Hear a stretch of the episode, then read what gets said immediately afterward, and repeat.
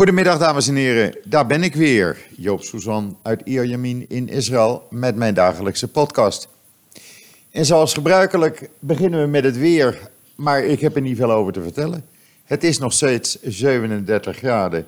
En als ik kijk naar de voorspellingen voor de komende dagen, dan staat daar hetzelfde weer als vandaag. En meer wordt er niet geschreven. Dus ja, we moeten het er maar mee doen. Ik begrijp dat u in Nederland ook nog steeds lekker weer hebt. Dus ik zou zeggen, geniet ervan. Alhoewel hier in Israël, de zon is nog steeds, de zonnekracht moet ik zeggen, is nog steeds extreem hoog.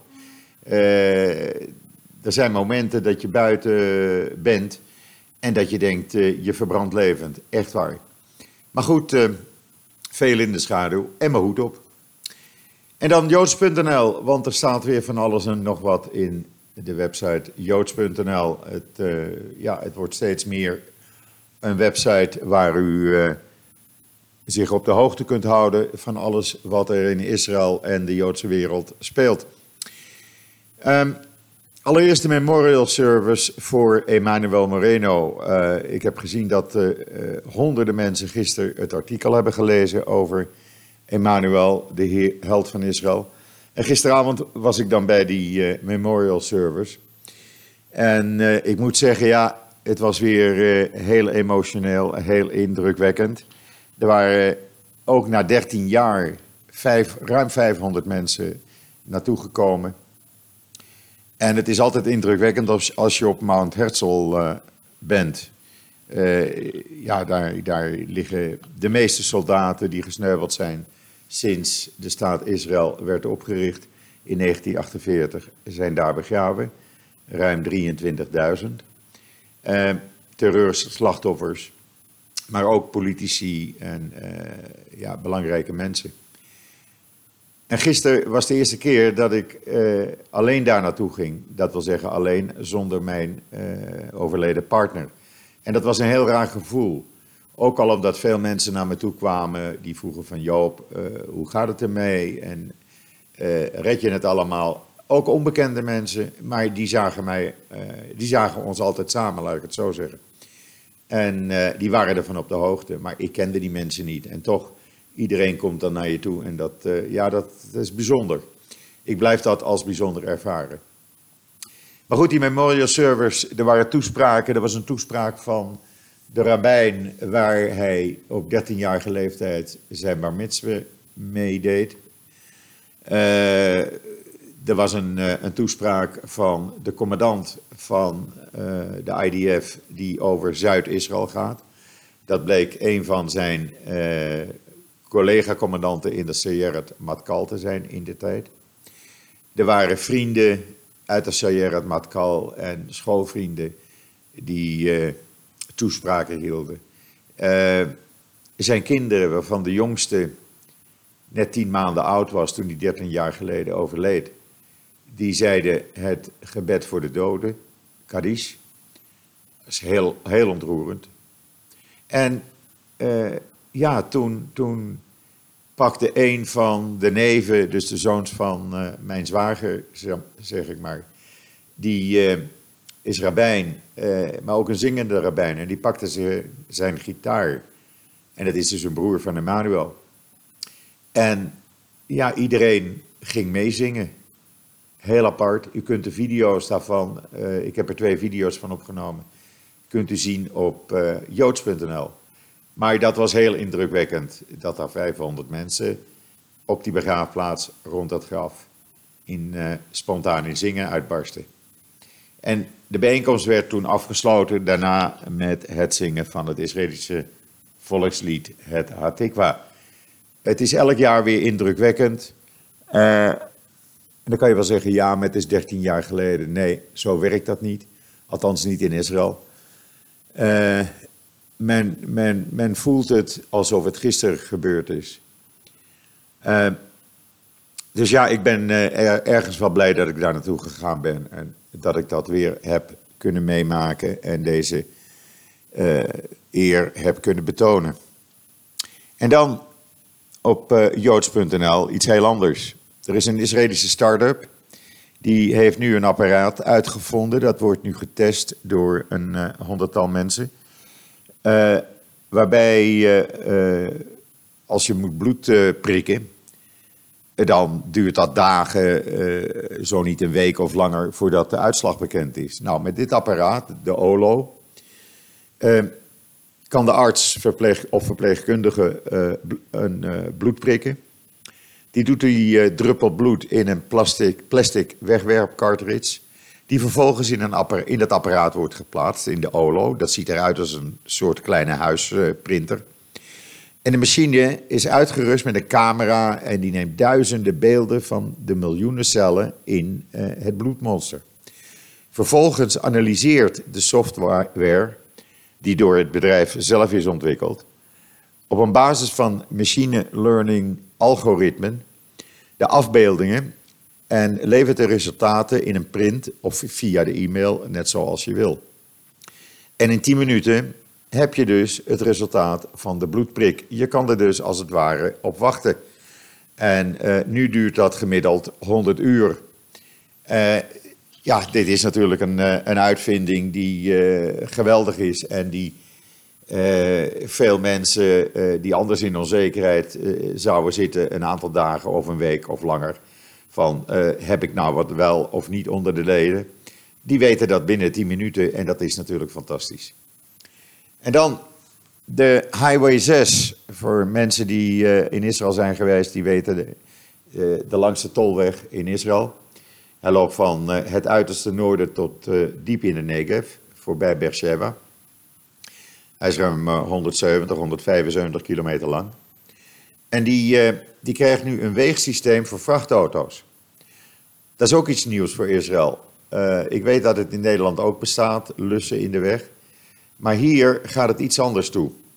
Dat weegsysteem, dat is over een behoorlijk aantal plekken over die hele weglengte van ruim 170 kilometer verdeeld. En Iedere vrachtwagen die daar overheen rijdt, die uh, wordt gewogen. Uh, ze je merkt daar niks van als chauffeur. Het enige wat je merkt is als je te zwaar beladen bent, dan word je van de weg gehaald. Er komen dus uh, inspecteurs rondrijden en die, die zorgen dat je auto naar een bepaald punt wordt gebracht. En daar krijg je dus de boete uitgereikt. En moet je ook zorgen dat je vracht uh, verdeeld gaat worden over een uh, eventueel op te roepen andere vrachtauto. En dit is een goed ding, want veel vrachtauto's in Israël, heel veel, zijn overbeladen. Uh, men spreekt van 12 tot 15 procent. En dat is nogal wat. dat betekent ook, die auto's, die, ja, die hebben een langere remweg nodig. En zijn dus vaker ook betrokken bij ongelukken. En ik heb dat gisteravond onderweg naar Jeruzalem meegemaakt. Waar ik op de terugweg slechts een uur voor nodig had om van Jeruzalem naar Ierjemien te rijden. Eh, deed ik over de heenweg gewoon 1 uur en 48 minuten. Ja, je gelooft het niet. Uh, in die tijd rijden bij wijze van spreken van uh, Amsterdam naar Brussel. Ik reed van, de, van het ene ongeluk, stonden we in de file voor een ander ongeluk. En dat ging gewoon door tot aan Jeruzalem. En uh, zelfs Wees, de app, die, uh, ja, die kon geen alternatieve routes meer vinden voor mij. Dus ik was gedwongen uh, ja, het langzaam aan te doen. En dat betekende, ik ging om kwart voor vier weg en ik kwam over half zes op de begraafplaats aan. Mount Herzl, waar ze net waren begonnen dus. Dus het is een goed ding dat ze hiermee gaan beginnen in Israël. En dan een aantal Israëlische producten waar je hond uh, happy van wordt. Ik denk dat er onder uh, de luisteraars en lezers van joods.nl en van deze podcast veel hondenliefhebbers zijn. Hier in Israël zijn er ruim 500.000 honden. Ja, echt waar. op sommige plekken in, in Tel Aviv, maar ook in mijn buurt, heeft meer dan de helft van de bevolking een hond. Uh, ik zelf ook. U weet dat. U heeft het gisteren op de podcast kunnen horen toen hij van zich liet horen. En uh, ja, uh, in Israël is het is jaren geleden Doc TV uitgevonden. Dus niet zo vreemd eigenlijk dat ze allerlei producten blijven uitvinden hier om de hond happy te maken en te laten blijven. Nou, u kunt het zien met video's op joods.nl, echt heel grappig. Er is ook een poepzakje en dat vond ik eigenlijk wel leuk, want dat had ik nog niet eerder gezien. Uh, dan hoef je de, de, de hondendrol niet meer op te ruimen. Oh, heel handig, kijk maar op de video. En dan, ja, de spanning rond het noorden van Israël. Uh, gisteren heeft uh, Netanyahu een ongebruikelijke stap genomen. U kunt het allemaal lezen op joods.nl.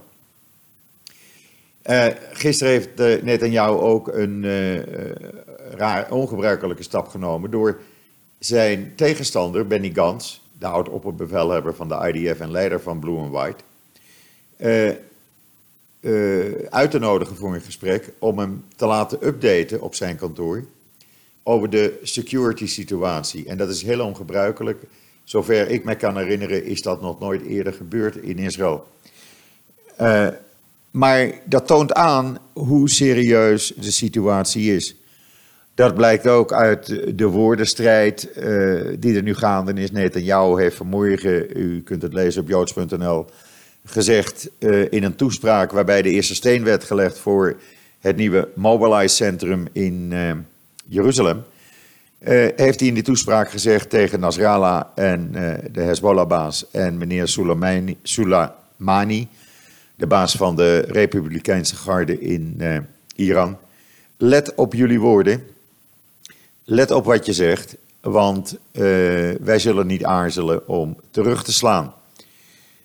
Daarbij, uh, ook dat kunt u lezen op joods.nl, uh, de situatie dat de IDF het leger in het noorden in hoge staat van paraatheid heeft gebracht. Men heeft ook aangekondigd vandaag en morgen te beslissen of er extra troepen, troepenversterkingen naar het noorden zullen worden overgebracht.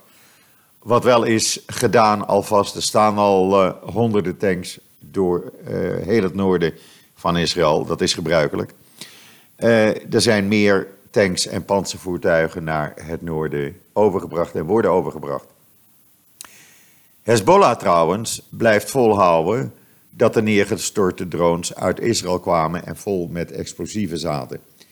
Uh, zij doen dat om gewoon ja, zich voor te bereiden op een oorlog. Uh, ook Libanon zegt ja, dat is een aanslag op onze soevereiniteit. Nou, die drones, volgens alle analisten en experts die het weten kunnen hier in Israël, en die zijn niet verbonden aan het leger of de regering, die zeggen allemaal nee, dat zijn geen Israëlische drones. Israël heeft dit type drone nooit gehad. Dat zijn drones uit Iran. Dus het zou zomaar eens kunnen dat rebellen uh, uit Syrië bijvoorbeeld die drones hebben gestuurd. Of dat Iran het heeft, bewust heeft gedaan en die drones laten crashen op Beirut. Om ja, zeg maar, het uitlokken van Hezbollah te verklaren richting oorlog Israël. In ieder geval, er wordt heel wat oorlogszuchtige taal uitgestort over ons. En ja, de spanning loopt toch wel op. Het Israëlische leger heeft gezegd: iedereen kan in het noorden zijn dagelijkse routine blijven doen. Uh, uh, ja, dat wordt niet zomaar gezegd, denk ik dan. Maar goed, we zullen zien wat er uh, gaat gebeuren. Ik hoop uh, van harte dat er geen oorlog uitbreekt, want echt daar zit niemand op te wachten. En dan, we hebben een nieuwe blogger, om het zo maar eens te noemen, bij joods.nl, een Israëlisch-Amerikaanse vrouw woonachtig in een van de kibbutzim bij de grens met Gaza. En die, uh, uh, die zendt regelmatig blogs, Times of Israel en andere Israëlische media. Ze heeft ook een YouTube-kanaal, u kunt het allemaal lezen op joods.nl. En we hebben haar eerste artikel uh, vertaald en online gezet. En dat gaat over de, de, het neerkomen van die raketten zondagavond op Sederot. Terwijl er een groot festival aan de gang was. En u kunt ook zien op de video die ik erbij heb gedaan. dat die raketten ontploften heel dicht bij dat festivalterrein waar duizenden mensen waren. En hoe groot de paniek was, ziet u op die video op joods.nl. En dan wat politiek. Want de verkiezingen naderen 17 september en dat is al snel, kleine drie weken. Uh, ten eerste, Netanyahu heeft tegen meneer Feiglin gezegd, die een kleine rechtse partij heeft, maar die waarschijnlijk de drie kiesdrempel niet gaat halen. Heeft hij gezegd, joh, doe nou niet mee, want je trekt stemmen bij mij vandaan, bij de Likud. En weet je wat, dan maak ik je na de verkiezingen economisch adviseur. Voor wat hoort wat natuurlijk. Maar niemand weet of Netanyahu de verkiezingen gaat winnen. Uh, dat blijkt pas op 18 september als de stemmen geteld zijn. Of deze man het gaat doen, ik weet het niet. In ieder geval hebben de Netanyahu en de Likud tegen twee andere kleine rechtse partijen uh, ook gezegd van, joh, trekken jullie zich nou terug uit die verkiezingen, want anders verliest Netanyahu stemmen. Of die partijen het doen, ik weet het niet. In ieder geval, Likud kreeg zijn zin niet om camera's te plaatsen in Arabische stembureaus. Ik vond dat ook iets, uh, ja, laat ik zeggen, onbeschoft en discriminerend. Persoonlijk vind ik dat. Uh, en gelukkig heeft het Centrale Verkiezingscomité ook gezegd: nee, dat is uh, een inbreuk op privacy en dat gaan we niet toestaan. Dan op mijn timeline heb ik een filmpje gezet, heel grappig. Netanyahu probeert stemmen te winnen van Israëli's die in Amsterdam wonen. Uh, op dat filmpje hoort u Netanyahu praten en ziet u uh, ja, filmpjes van Amsterdam voorbij komen. Heel grappig. En dan volgens Ehud Barak, die zegt, ja, de mogelijke gesprekken die Trump wil houden met Iran, met meneer Rouhani, als dat ooit door zou gaan, want Trump heeft dat gisteren gezegd, dat hij onder bepaalde condities dat wel zou willen. Dat zou een rood licht moeten zijn, zegt Barak, voor Israël. Want Iran is de uh, aardsvijand van Israël. Uh, ze dreigen Israël van de kaart te vegen. En als dan uh, meneer Trump met Iran gaat praten, ja, wat moet Israël dan? Uh, wordt Israël daar speelbal? Uh, van alles kan er gebeuren. Dus ja, ook een hele rare situatie is dit.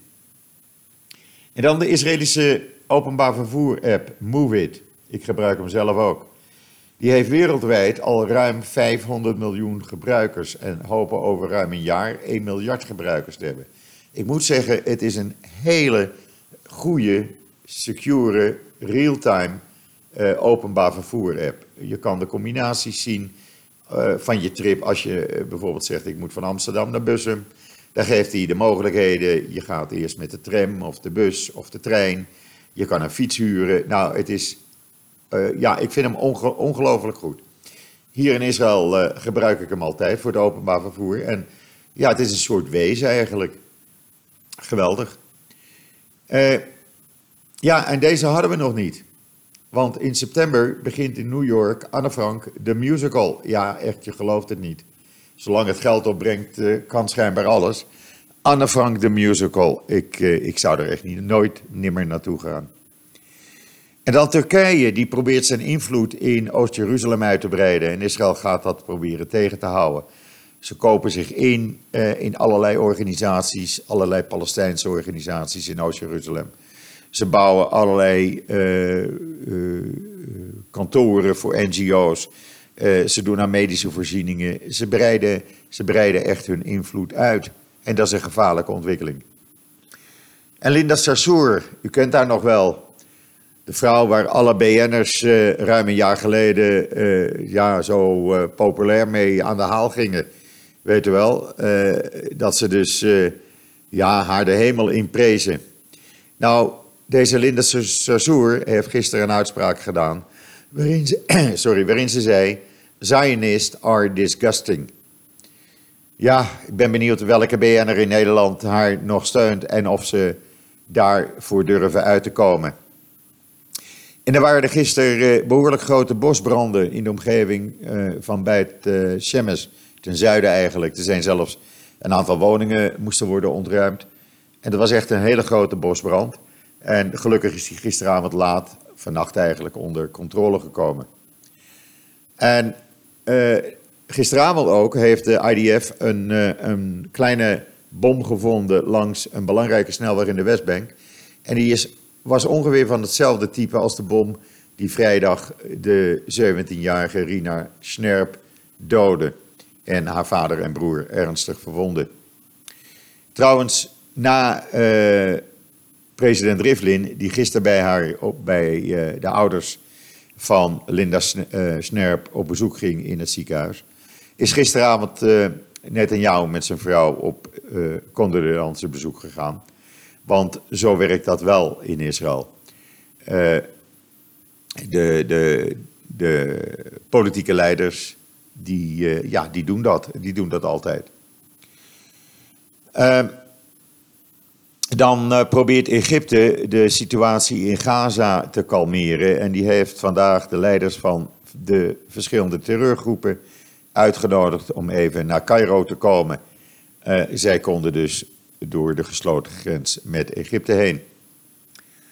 Dan de Amerikaanse vicepresident Pence heeft uh, Netanyahu gebeld en gezegd: luister, wat er ook gebeurt met Israël, wij als Amerika staan vierkant achter jullie. En je hebt het volstrekte recht om het land te verdedigen. En dan de voormalige ambassadeur van Amerika in Israël, die trouwens nu in Israël uh, woont. Uh, die was ambassadeur onder uh, Obama.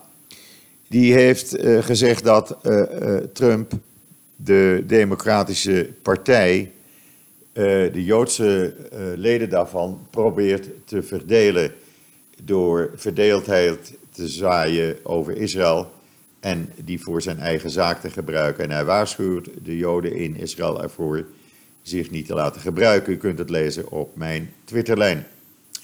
En dan de werkloosheid in Israël is gedaald naar 3,7 procent. Dat is heel weinig. En dat betekent dat het heel moeilijk is om nog aan arbeidskrachten te komen. Vandaar ook, dat heeft u gisteren in dat artikel kunnen lezen over de economie op de Westbank op joods.nl dat er steeds meer werk uitbesteed wordt aan Palestijnse bedrijven en bedrijfjes. En dat er steeds vaker Palestijnen uh, uit de Westbank in Israël werken, nu ruim 130.000. Ook, ik heb dat uh, al eerder gezegd, de mensen die aan ons gebouwde balkons uitbreiden, komen allemaal uit de Westbank. En uh, gaan s'avonds of smiddags weer omhoog, om terug naar de Westbank. Ja, vanuit Natanja is het eigenlijk niet zo ver, want we zitten hier 9 kilometer van uh, de Palestijnse gebieden vandaan. Uh, dus ja, wat dat betreft uh, is het natuurlijk erg goed voor de Palestijnen. Ze hebben werk, ze verdienen 2,5 keer het salaris van wat ze anders in de Palestijnse gebieden kunnen verdienen. En dat betekent, ja, als je als je, als je goed verdient, dan heb je helemaal geen zin om terrorist te worden, om aanslagen te plegen. Dus wat mij betreft mogen heel veel Palestijnen gewoon in Israël lekker hun werk doen, hun centjes verdienen en een normaal leven leiden daardoor. Goed, eh, dat was weer het nieuws eigenlijk van vandaag. Het lijkt af en toe, eh, heb ik het idee, het lijkt een beetje stilte voor de storm hier in Israël. Uh, ik weet het niet. Het is een, uh, een, een rare situatie die uh, iedereen in de gaten houdt natuurlijk. En zodra er ook iets te melden valt, kunt u dat natuurlijk alle minuut op joods.nl lezen. ik krijg alle berichten rechtstreeks van het Government Press Office, waar wij geregistreerd staan. En dus zodra er iets is, heb ik al het materiaal en kan ik dat vertalen. En kunnen we dat op joods.nl zetten. Dus wij proberen echt met joods.nl niet alleen zo actueel mogelijk te zijn, maar we geven u ook het nieuws zoals het gebeurt. Niet gekleurd, geen links, geen rechts, maar gewoon zoals het gebeurt. Goed, dat was wat mij betreft de podcast voor vandaag. Rest mij u nog uh, een hele fijne dinsdagmiddag te wensen. Het is alweer de laatste 27 augustus uh, van 2019 ooit. En uh, wat mij betreft zeg ik zoals iedere dag: tot ziens, tot morgen.